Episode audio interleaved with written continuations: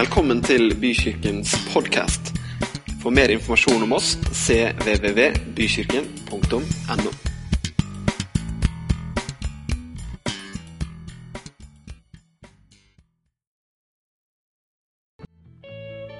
Vi takker deg, Herre, her vi står, fordi at du har satt oss fri. Med ditt eget liv som betaling, med ditt eget blod som betaling, så kjøpte du oss fri fra anklager, fra skyldfølelse og fra skam. Fordi du ville at vi skulle være dine barn. Frie, glade, fulle av tillit. Sånn at vi bare kunne komme innenfor din trone. Så vi bare kunne være i din nærhet. Og det takker vi deg for. Det er større enn jeg kan uttrykke med ord. Det er mer enn jeg kan eh, sette navn på. Og det overgår alt. Takk skal du ha, far. Amen. Amen. Fantastisk herlig å synge sammen. Herlig å kjenne det derre løftet det er å komme sammen. Jeg tror eh, ikke bare sånn tror i den norske betydningen av ordet, men jeg er helt overbevist om at Gud han vil at vi skal komme sammen, fordi at når vi kommer sammen, så skjer det noe. Da er det sånn at hans storhet den blir synlig for oss via andre. Guds storhet kan vi oppleve på et personlig plan, men Guds storhet opplever vi også når vi ser og hører hva han gjør i andre menneskers liv. Og Derfor så er det oppmuntrende og inspirerende, det er retningsgivende, ja, det er faktisk livgivende for vår tro å komme sammen. Og det kjenner jeg gang på gang på gang, enten det er på Life-gruppa med fem-seks andre, eller det er i store samlinger som her, eller man er på en eh, konferanse om sommeren, eller hva det er, så er det Ja, nå ser vi enda mer av hvem du er, Gud. Enda mer av hva du kan gjøre. Det er bra. Er du våken? Du har fått konstatert av Stig at du er bleik, men eh, det kan vi ikke så veldig mye for.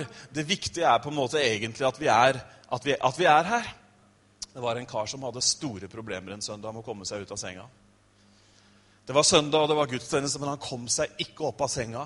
Og mora hans ble mer og mer irritert. Det var liksom skytteltrafikk ut og inn av rommet. ikke sant? 'Nå må du komme deg opp.' Men denne slampen, han kom seg ikke ut av senga. Etter hvert så ble mora ganske irritert, og hun ble ganske sint. Så sier hun, 'Jeg skal gi deg to gode grunner for at du må stå opp nå.' Ja, hva da? For det første så er du 42 år, og det er du som er pastor. Så man kan ha ulike motivasjoner for å komme seg opp av senga. Den historien bygde jeg ut fra noe Julia sa til meg. Nei da. Det gjorde, det gjorde jeg ikke, altså. Jeg bare tuller. Jeg skal snakke om noe i dag som eh, har ligget på hjertet mitt eh, egentlig mange uker. Og jeg har bare valgt å kalle det for Guds design. Gud, han er, eh, som jeg sa i stad, han er veldig stor. Bibelen sier at han er allmektig. Bibelen sier at han er eh, skaper av alle ting. Vi er skapt i hans bilde. Vi er skapt til storhet av en stor skaper. Vi er skapt med en hensikt. Gode designere de designer gjerne det de designer fordi at det skal ha en funksjon, det skal ha en hensikt. Det hender jo at man setter seg i et eller annet designmøbel og tenker at her har man i hvert fall ikke tenkt at noen skulle kunne sitte, eller i hvert fall ikke bli sittende. Men allikevel så kjennetegnes god design ved at det faktisk er noe som gjør noe. Det kan være godt for øyet, det kan være godt for sanseapparatet vårt. Så det trenger ikke nødvendigvis å være komfortabelt. har jeg skjønt. Men noen som er veldig opptatt av eh, god design, det er jo selveste Ivar Kamprand, mannen bak Ikea. Noen som har hørt om Ikea her? Ja, det er, bra. Alle har hørt om Ikea. Julia jobba jo på Ikea før når vi bodde i Oslo. og En gang så var Ivar Kamprand på besøk. Det er ikke så mange år siden, og han er jo en veldig voksen mann. Han var en veldig voksen mann da også. Og han er så opptatt av god design da, og funksjon og hensikt at når han besøker et varehus, så spiser han ikke en fin middag med varehusledelsen, og så går han igjen. Og nå har jeg liksom vært her og sett uh, at det faktisk er en butikk her. Nei, han går gjennom alle avdelingene med en liten blokk og en blyant. Og så noterer han seg ting som kan forbedres eller rettes på osv. Så, så kommer han gående der i første etasje på Ikea, så stopper han ved hylla med kjøkkenglass. Noen som har kjøkkenglass fra Ikea her? Vi har kjøkkenglass fra Ikea. Andre har kommet opp på et annet nivå. Det er hyggelig. Men så stopper han der, og så, så sier han De må jo ikke stilles ut sånn. De kan ikke stå ved siden av hverandre. De må jo stå oppi hverandre. De er jo designa med en hensikt. Her skal det være mulig å ha mange glass på liten skapplass. Det er, et, det er, en tanke bak. Det, det, det, er en hensikt med at de er sånn som de er. Det er ikke bare at de liksom er glass. Så de må vises, det må vises og demonstreres hvordan man kan gjøre med dette. Interessant. Det er en hensikt bak. Og på samme måte så er det en hensikt bak deg. Bak skapningen av deg. Du er designet sånn som du er, fordi at det er en skaper der oppe som har en tanke bak det. Og den skaperen, han ønsker å si noe til skapningen sin. Han ønsker å for å ta Ivar Kamprad-metoden. Han ønsker å sette oss i den stabelen vi er ment å være. Eller han ønsker å plassere oss slik i rommet eller i tilværelsen, eller la oss si i livet, sånn at vi kan oppfylle den hensikten. Henger du med så langt? Gud har skapt oss med en hensikt. Bibelen sier at vi ikke bare er en del av skapningen, men Bibelen sier at vi er Guds øyensten. Vi er det ypperste. Vi er krona på verket. Det understreker i alle fall tanken bak. Livet er det Gud som har gitt oss. Det er ingen av oss som sitter her i dag og puster og er i live, som ikke gjør det fordi Gud har gjort det sånn. Livet kommer fra Han. Gud ønsker å forme livene våre, sånn at livene våre kan være i henhold til hensikten. Han ønsker å sette glassa sånn at de funker. Han ønsker å snu koppen sånn at den kan romme noe. Han ønsker at det vi er skapt til å være, skal være i funksjon. Og Derfor så ønsker han å forme oss. Gode foreldre de ønsker jo å forme barna sine. Gode foreldre gjør jo det de tror er best for sine barn. Oppdrar dem, setter grenser, gir belønninger, legger til rette, gjentar gang på gang. Jeg har en sånn setning som kverner inn i hodet mitt om dagen med en snart treåring og en fem og et halvt åring. Så tenker jeg inni meg det er bare en fase, tenker jeg.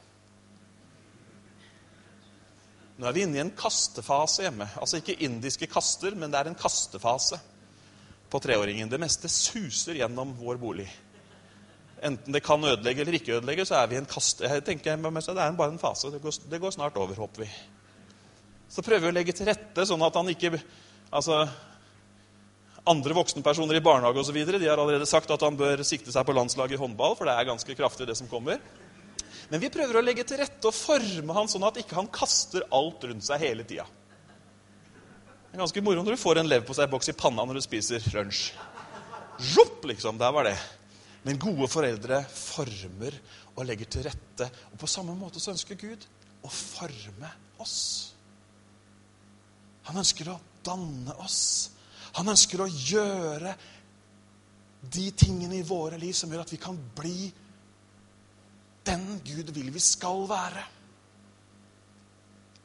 Hvor stor er egentlig Gud for deg?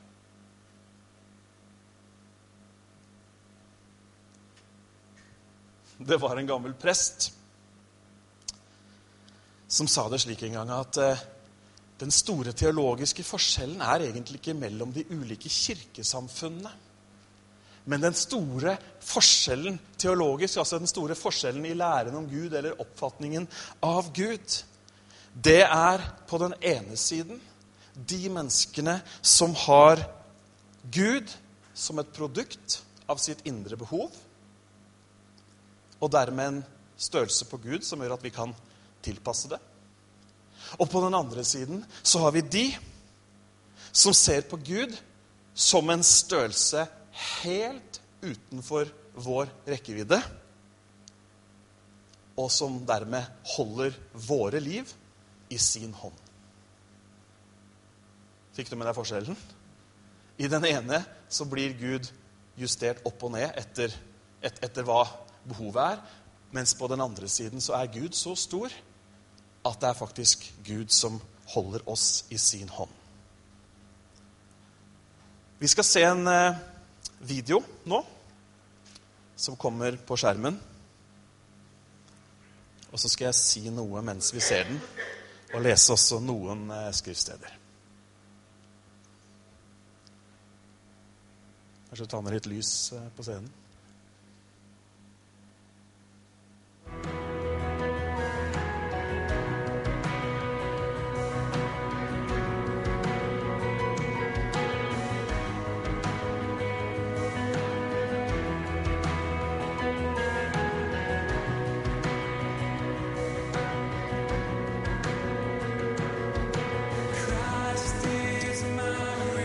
Gud, han er suveren.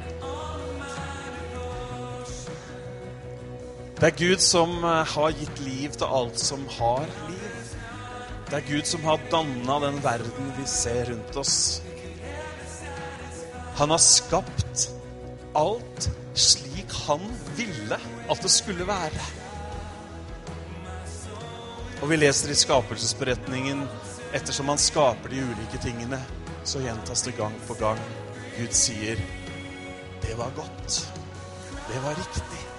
Det jeg har skapt.' Han har skapt deg og meg.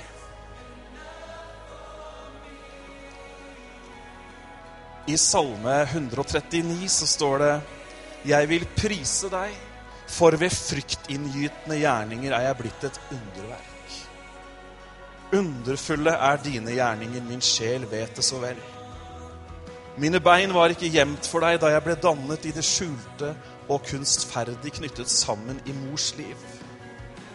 Som foster så dine øyne meg, og i din bok var de alle skrevet ned de dager som var fastlagt for meg, før en eneste en av dem var kommet.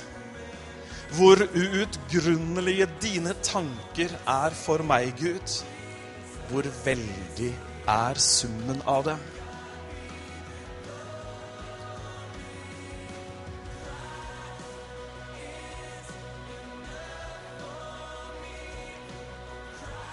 Gud skaper, han former, han danner.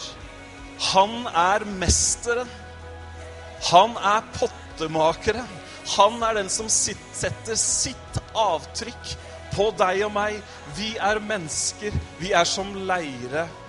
Vi er myke. Det kan settes avtrekk, avtrykk på oss, og vi formes.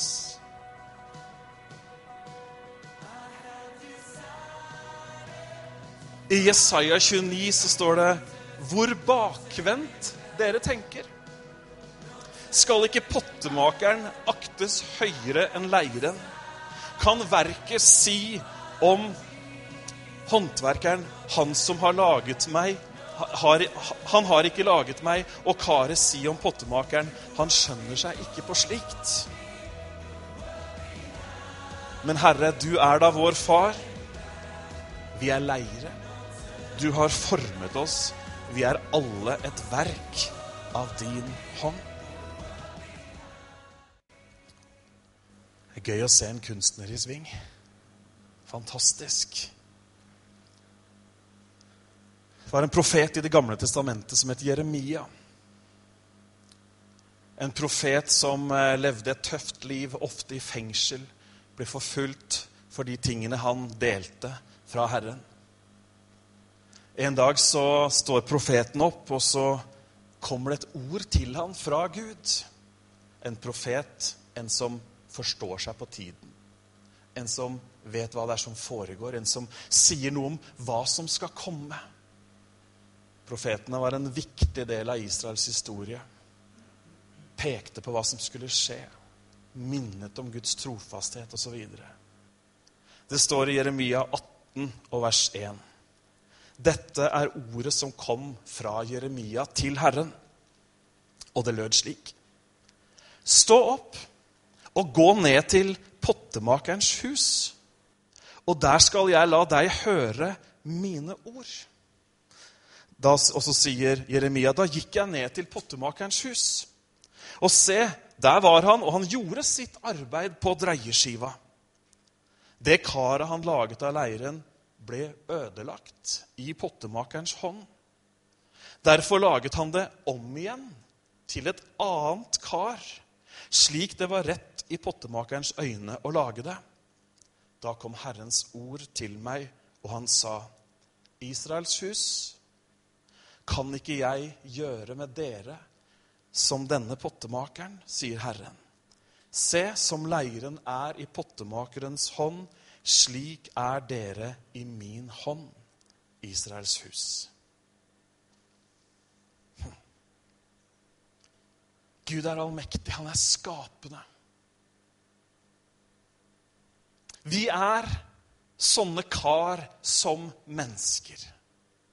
Vi er som en klump med leire som er på en dreieskive, og som er under utvikling, som er på vei et sted. Og så hender det at ikke det blir akkurat sånn som vi hadde tenkt det. Ikke sant? Trenger ikke ha noe håndsopprekning på det, men vi kunne sikkert hatt mange historier her i formiddag om eh, noe som ikke ble som du hadde tenkt om drømmer som ikke ble oppfylt. Livshistorier, troshistorier som endte annerledes enn det du og jeg hadde sett for oss.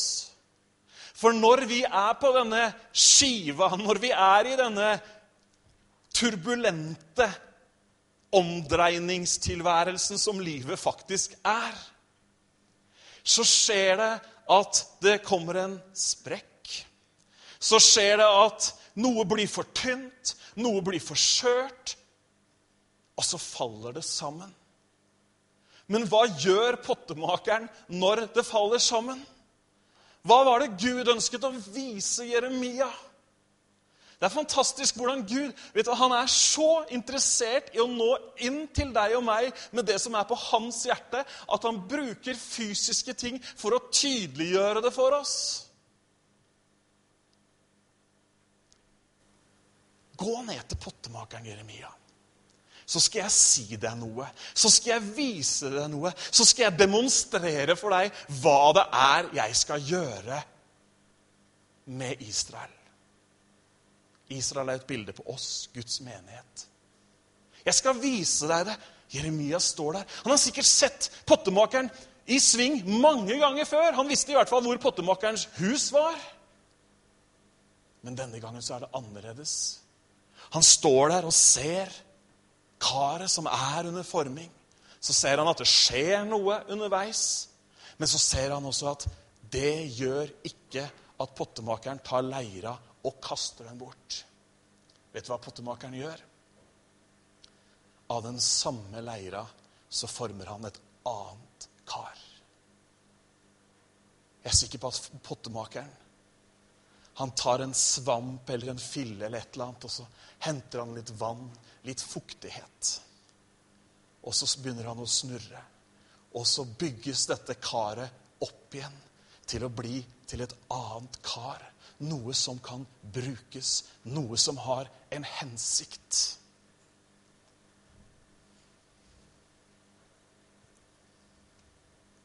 I pottemakerens hånd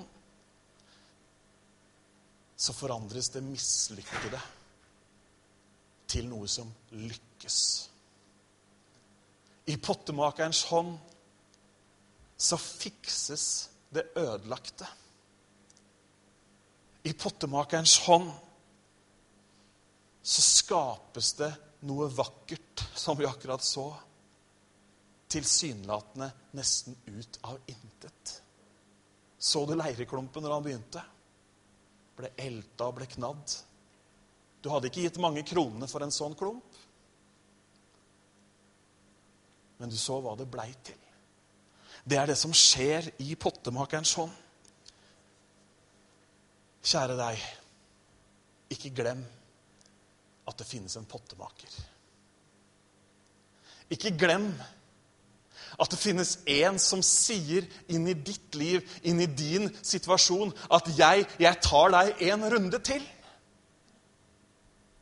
Ja, men det er så sprukkent. Det har blitt tørt til og med. Jeg sparker i gang skiva. Den er forresten alltid i gang. Og så tilfører jeg mine skapende hender.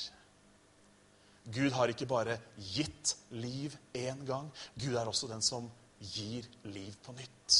Gud er den som opprettholder livet i deg. Han vet råd. Han har teknikken inne. Han er mester. Herlig. Han er skaper. Og vet du hva? Han har gjort det før med veldig mange andre. Stor er skyen av vitner. Lang er lista over mennesker som har fått oppleve at Gud har tatt dem på dreieskiva og laget et kar til ære for seg selv. Hva er et kar som er til ære for Gud? Jo, det er et kar som viser hvem Gud er. Og som inneholder det som Gud har gjort for dem, og som vi snakka om for noen søndager siden. At vi er leirkar med en skatt på innsiden, og at vi har noe å gi de rundt oss. Ikke glem at det er en pottemaker også for deg. Også for naboen din. Også for de menneskene vi møter som tilsynelatende har gått på trynet. Han kom for å søke og frelse. Han kom for å redde. Han kom for å løfte opp det som var fortapt, det som var ødelagt. Dette er evangeliet, folkens. Dette er de gode nyhetene. Det finnes en Gud som tilgir, som renser, som gir nytt liv, og som ikke bare fikser på det som har vært, men som skaper noe helt nytt. Det er budskapet vårt. Det er derfor vi holder på. Dette er så sterkt, og det er så utrolig. Det er rart at ikke det er steinhoggeren Jeremia fikk beskjed om å gå og se. Men vi tror jo vi at vi har hogd ut i stein. Hvorfor sier jeg det? Jo, fordi at vi holder maska så lenge at ingen har en anelse. Men når det først går gærent, så knuser det. Og så tenker vi at det er umulig å rette opp i. I min bibel så står det at ingenting er umulig for Gud. Og han viser oss det så tydelig ved dette bildet at vi er som leire. Vi er formbare. Kanskje du til og med tenker at nei, jeg har stivna til. Nei, jeg begynner å bli gammel. Nei, jeg er fastlåst i mine mønstre. Vi kan ta oss en tur på dreieskiva. Vi kan la Mesteren få forme oss og si noe inn i livene våre. Jeg tror at dette er et bilde fra Gud til mennesker og om mennesker. Leireklumpen på skiva er historien om ditt liv. Det er historien om mitt liv. Hm.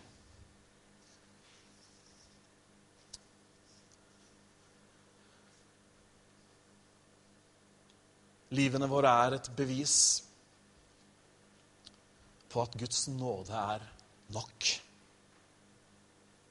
Vi sang så herlig her i stad om eh, at nåden måtte bli vår hvilepuls, eller et eller annet med nådepuls. Men det er så viktig. Bibelen sier at Jeg veit at jeg gjenga det helt feil, men, eh, men, det er veldig bra. det. Tenk på den. La nåden bli din hvilepuls. Når du trener bra og er i god form, så blir hvilepulsen riktig. Hvis du har sånn jevn puls hele døgnet, da er det noe gærent. Paulus sier at din kraft, din, din nåde, fullendes i min skrøpelighet. Det var en annen kar som jeg har lyst til å fortelle dere om, som fikk oppleve dette her til de grader. Jesus han eh, valgte seg en del eh, læresvenner. Han lærte, eh, valgte seg en del disipler som skulle følge ham. Og en av de mest fremtredende som vi leser aller mest om, hvem er det? Jo, det er Peter. Peter var en fyr som kanskje ligner litt på noen og hver av oss. Vi vet ikke så veldig mye om bakgrunn eller oppvekst osv. Men vi får jo en sånn liten anelse når vi ser temperamentet hans i ulike settinger gjennom Bibelen. Det står i Lukas 5. En gang sto Jesus ved Genesaretsjøen, og folk trengte seg innpå han for å høre Guds ord. Da fikk han se to båter som lå ved stranda. Fiskerne var gått ut av dem og holdt på å skylle garn. Jesus steg opp i en av båtene, den som tilhørte Simon, og ba han legge ut fra land. Så satte han seg og underviste folkemengden fra båten. Da han var ferdig med å tale, sa han til Simon, det er da Peter Han får et navn til. Legg ut på dypet og sett en garn til fangst. Mester, svarte Simon, vi har strevd hele natta og ikke fått noe, men på ditt ord vil jeg sette garn. Så gjorde de det, og fikk så mye fisk at garnene holdt på å revne. De ga tegn til arbeidslaget i den andre båten at de skulle komme og ta i med dem, og da de kom, fylte de begge båtene så de var nær ved å synke. Da Simon Peter så det, kastet han seg ned for Jesu føtter og sa, Gå fra meg, Herre, for jeg er en syndig mann. For han og alle som var med ham, ble grepet av forferdelse over den fangsten de hadde fått. På samme måte var det med Sebedeus-sønnene, Jakob og Johannes, som fisket sammen med Simon. Men Jesus sa til Simon, 'Vær ikke redd. Fra nå av skal du fange mennesker.' Så rodde de båtene i land, forlot alt og fulgte han. Peter skulle oppleve sitt livs eventyr. Dette var starten på noen helt fantastiske år for denne råbarka fiskeren med litt temperament, impulsivitet og det ene og det andre. For han svarte på utfordringen ved å følge Jesus. Han var der og så tegnene. Han var med på miraklene. Han så at de blinde begynte å rope 'Vi kan se'. Han så de døve som begynte å høre. Han så krøplinger reise seg. Han så hvordan folk gikk mann av huset, forlot arbeidsplasser og landsbyer og byer og dro ut for å høre Jesus. Peter var der. Hvor mange av dere skulle likt å være der? Det er veldig vanlig når du snakker med litt yngre folk. Altså, så sier de det hadde vært så mye lettere hvis vi bare hadde vært der og sett det. Peter var der og så det. En gang så sa Jesus til disiplene konger og profeter har ønsket å få se det som dere ser, og få høre det som dere hører. Men de har ikke sett det. Men det har dere. Peter var der. Midt oppi action, midt oppi scenen, midt, opp, midt på settet. Der var Peter. Samtidig så var Peter et menneske som deg og meg. Han var oppe. Han var nede. Han gjorde lure ting. Han gjorde ikke så lure ting. Men det som var, var at Gud, han kunne faktisk forme og danne også en type som Peter. Han var på dreieskiva. Det ble feiltrinn. Det ble til og med noen skikkelige fadeser.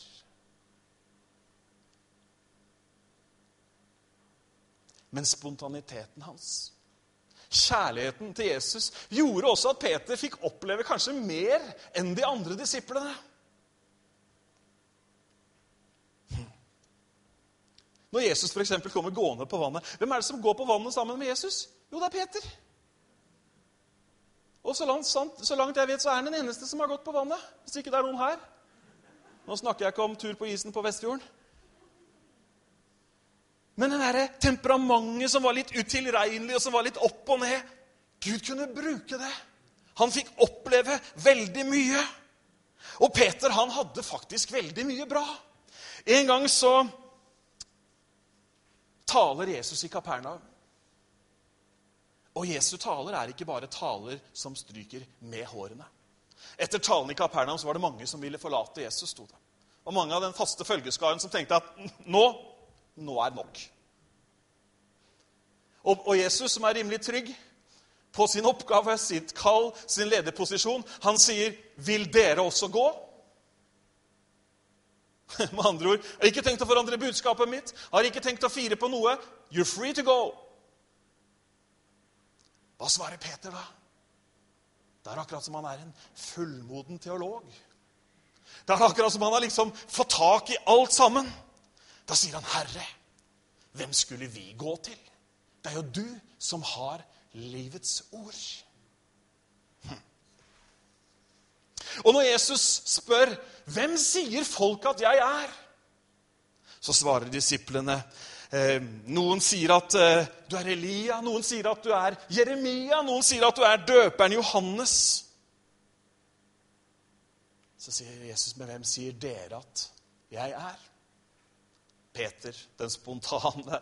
Først i køen, Peter. Jeg vil være best, Peter. Jeg er den som følger deg mest, Jesus. Peter, han sier, 'Du, du er Messias. Du er den levende Guds sønn.' Og så sier Jesus, 'Velsignet eller salig er du, Peter.' For det der det er det ikke kjøtt og blod, altså mennesker, som har fortalt deg, men det er det min far i himmelen som har åpenbart for deg. Rett etter dette, rett etter Peter tenker at 'jeg er jo fremst i disippelflokken', 'det er jeg som har skjønt det', 'det var jeg som svarte riktig på de to forrige spørsmålene'. Der er han, vet du, helt Jeg syns jeg ser den. altså. Litt sånn der overivrig. og To ganger nå har Jesus liksom 'Å, dette var bra'. Så forteller Jesus at han skal lide at han skal dø, da roter Peter det til. Så tar han Jesus til side og setter Jesus Skal liksom tale Jesus til rette. Dette må på ingen måte skje, Jesus. Da kommer de der berømte ordene hvor Jesus sier, 'Vik bort fra meg, Satan'. Du skjønner ingenting, sier Jesus. Du skjønner ikke hva Gud holder på med i det hele tatt. Det er samme Peter som har skjønt at han er Messias, men han er et menneske. Han er et kar som har en runddans i livet. Det skjer ting. Det ble ikke helt sånn som han trodde, men fortsatt så er han Peter. Så kommer påskeuka.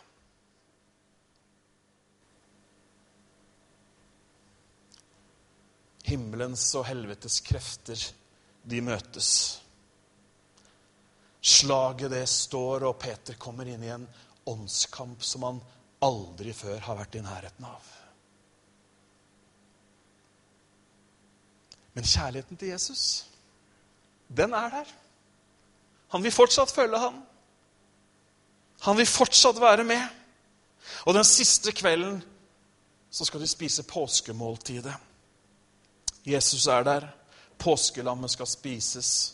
Den store høytiden blant eh, folket skal feires.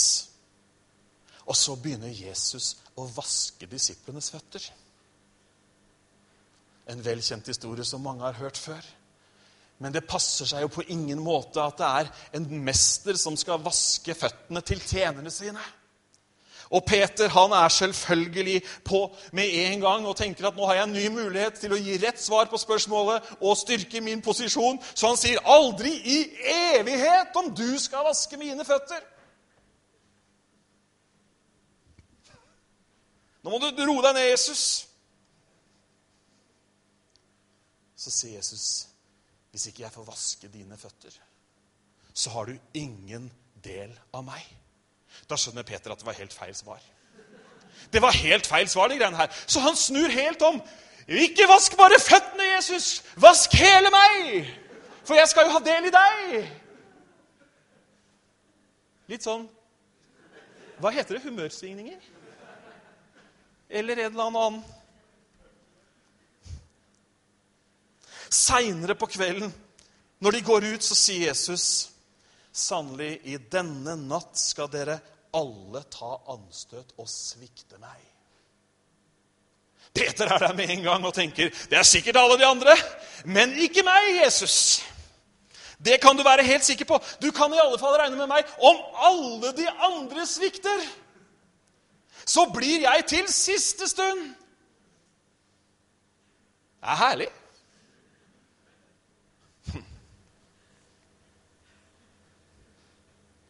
Før hanen galer to ganger har du fornektet meg tre ganger, Peter. Peter, han gir seg ikke. Han sier når Jesus sier sånn, 'Herre, jeg skal dø med deg. Aldri i evighet skal jeg fornekte deg.' Kunne tenkt meg å ha et sånn ansatt, jeg. Noen som vil søke på stilling? Her er det all in. All in all the way. Men vi ser jo en og annen sprekk. Men det er all in. Hm. Peter mente det av hele seg. Han hadde bare ikke skjønt én ting som alle mennesker må skjønne. Det er at mennesket vårt, kjøttet vårt, det er skrøpelig. Det er ikke sterkt nok. Ånden kan være villig, men kjødet er skrøpelig. De går inn i Getsemanehagen, og Jesus ber de be sammen med ham, være i bønn. Og vi vet hvordan det gikk. Jeg er sikker på Peter mumla noe til de andre om at nå skal vi se hvem som ber lengst, folkens. jeg har litt åpenbaring, jeg, vet du. Han sovna. Gang på gang sovna han. Menneskelig Menneskelige egne gjerninger. Det er ikke kraftig nok. Det holder ikke. Peter sovner. Karet slår sprekker kan ikke engang holde ut litt i bønn.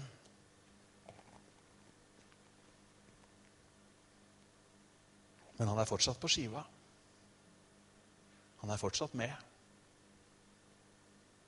Så sier Jesus, 'Nå kommer de.' De som skal ta meg. Og så kommer de, og så pågriper de Jesus. Men Peter, han skal jo ikke svikte, han. Så han griper et sverd, og heldigvis så treffer han ikke hodet på soldaten, han treffer bare øret. Så sier Jesus, ikke trekk sverd. Den som trekker sverd, skal selv falle for sverd. Det blir flere sprekker. Det blir noen store sprekker, for idet Jesus pågripes, så tar de alle beina fatt, også Peter. Han som aldri i evighet skulle svikte. Han som om så var, ville gå i døden. Han løper av gårde, han også.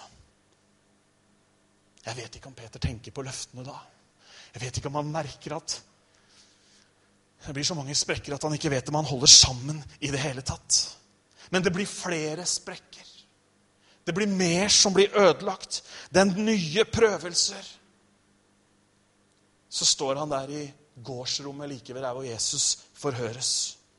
Kom seg inn der fordi at en av de andre disiplene hadde gode kontakter litt høyt oppe. Og så skjer det. Kommer det en tjenestepike bort. Du er jo Du er jo en av hans disipler, du. Hm. Veit ikke om Peter sier til seg sjøl eh, Peter, nå må du huske hva du har sagt. Nå må du huske hva Jesus har sagt. Peter vrir seg før han sier, 'Jeg kjenner ikke det mennesket'.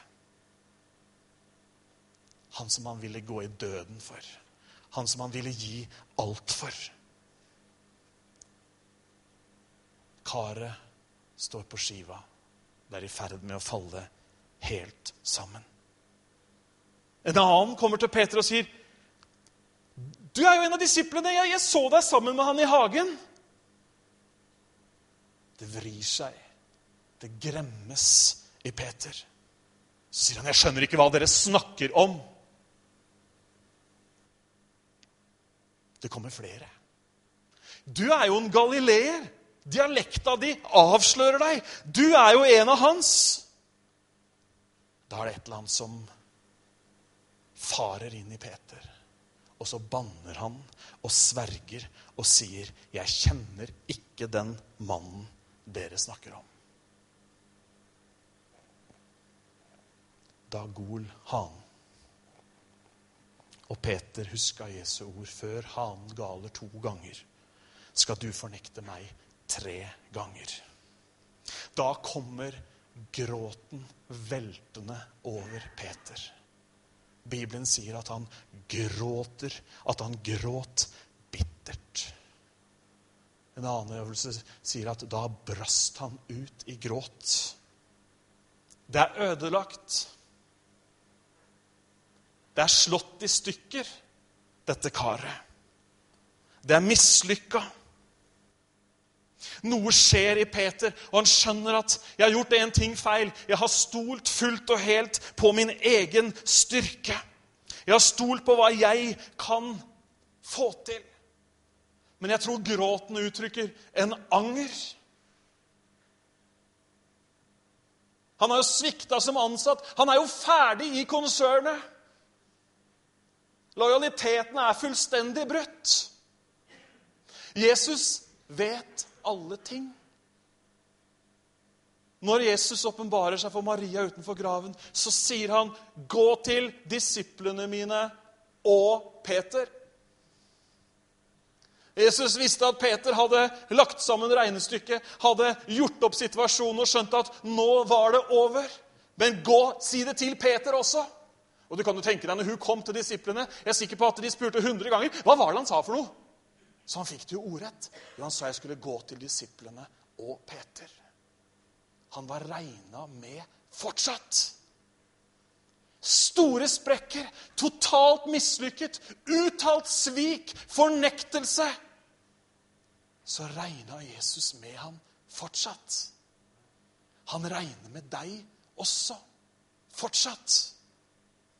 Ting kan ha blitt ødelagt, ting kan ha gått i, i, vasken. Ting har virkelig liksom ikke blitt det du hadde tenkt på noen som helst måte. Men han sier noe til deg i dag. Så venter de. De får beskjed om å vente, og de venter. Og så møter Skal vi forte oss, for tiden går. Men så møter disiplene Jesus på stranda. Så er det et møte der som vi først ikke vet noe om. Peter han kommer seg i land før de andre, løper bort til Jesus, og vi vet ikke helt hva som foregår der. Men vi vet hva som foregår samtalen videre. Da de var ferdig med måltidet, sier Jesus til Simon Peter. Simon, sønn av Jonah, elsker du meg mer enn disse?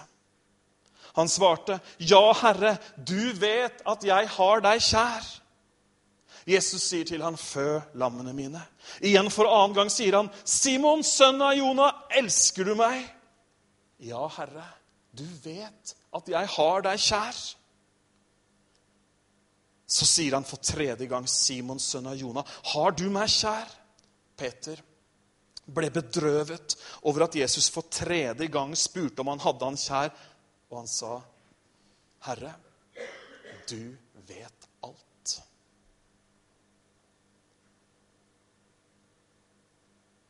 Du vet at jeg har deg kjær. Jesus sier til ham, 'Fø sauene mine'. Spørsmålet Peter fikk, var om han elska Jesus. Det var ikke et oppgjørets time i form av mange forklaringer. Hvor, hvordan kunne det skje, Peter? Nå skal du høre her, Peter. Du sa i disse vitners nærvær at du skulle følge meg om så det var til døden. Hva gjorde du? Du stakk som alle de andre. Var det sånne anklager Jesus kom med? Peter, du som, har, du som har sett så mye, hvordan kunne du svikte? Hvis det er noen Peter som ikke skulle svikte, så er det jo deg! Nei, Jesus sier, 'Elsker du meg, Peter?' Peter tør ikke engang å referere til alt det som har skjedd. Han refererer til Guds allmakt, og så sier han, 'Du vet alt'. Du vet at jeg har deg kjær. Så går historien videre. Og så reises Peter opp. Eller hva skal vi si, så dreies Peter til et nytt kar. Det er en annen Peter vi møter i apostlenes gjerninger. Det er en annen Peter som sier, 'Jødiske menn, hør på meg nå.' Som har blitt full av Guds ånd, som har blitt forma og danna til et kar som kan brukes. Til tross for at det var mange feiltrinn. Det var mange fadeser. Nå står han der som et sterkt kar. Som et brukelig kar. Som et kar som blir til stor velsignelse, og som blir en hovedagent for å nå det jødiske folket med evangeliet om Jesus.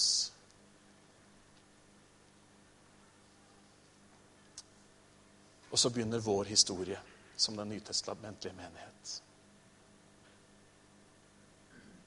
Tilbake til oss vil la Peter ligge. Mange tror om sitt eget liv at det er for seint.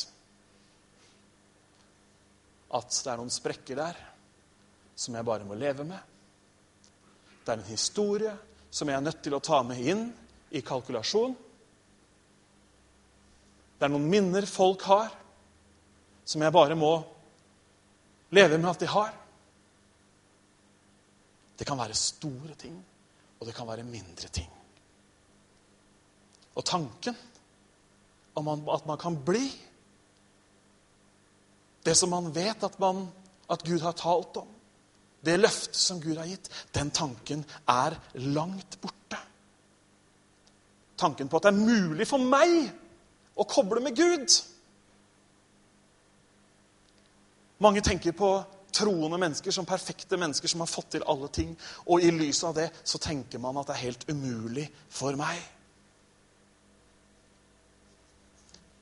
Noen har en drøm. Noen bærer på et kall.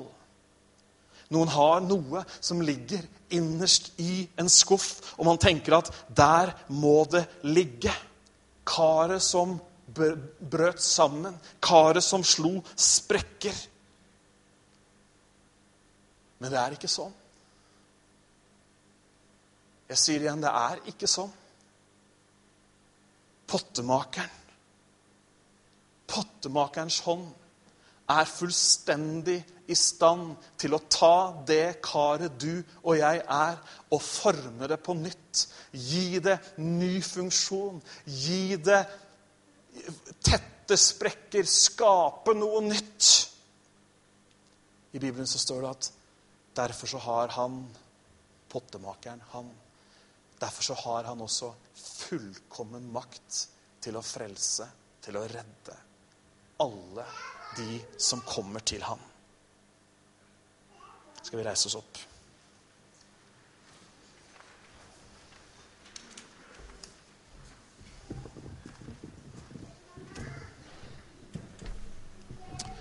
Takker deg, Jesus. Kan vi ikke bare der hvor vi står, lukke øynene våre, og så er vi i bønn?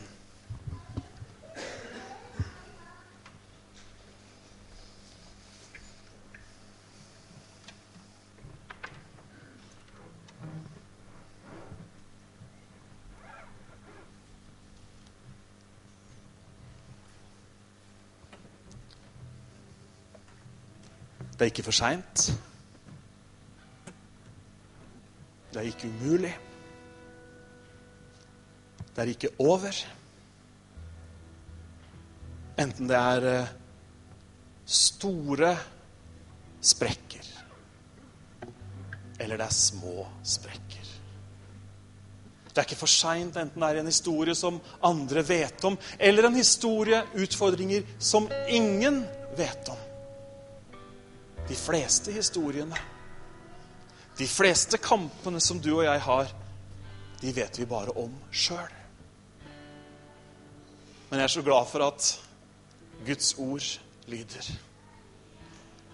Jeg er så glad for at Gud sier at sånn som pottemakeren skaper noe nytt, sånn kan jeg også skape noe nytt.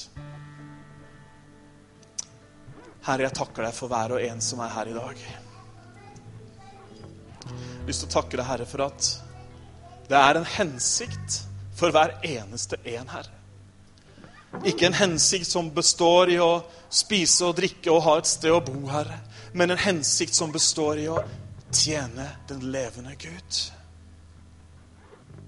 Og far, jeg takker deg for at du er full av nåde. Du er full av kraft. Og du, Herre, du setter oss på dreieskiva.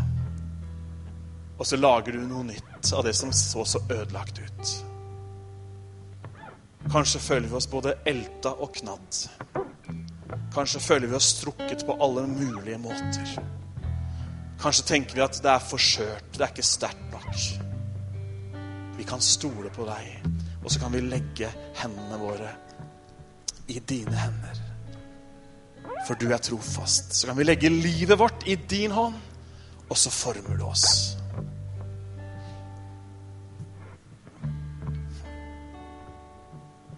Jeg ber Herre om at vi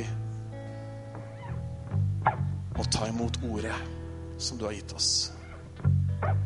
At vi kan ta dette budskapet innover oss.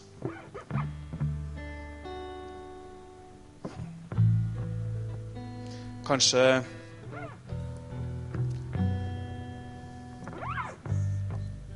Noen tenker at jeg har sprekker som ingen andre har sett. Jeg har historier som ingen kjenner. Peter sa det så utrolig bra. Herre, du vet alt. Likevel så elsket Herren Peter. Likevel så brukte han ham vi skal synge en sang nå, og jeg avslutter prekena her. Men hvis du ønsker at vi skal be sammen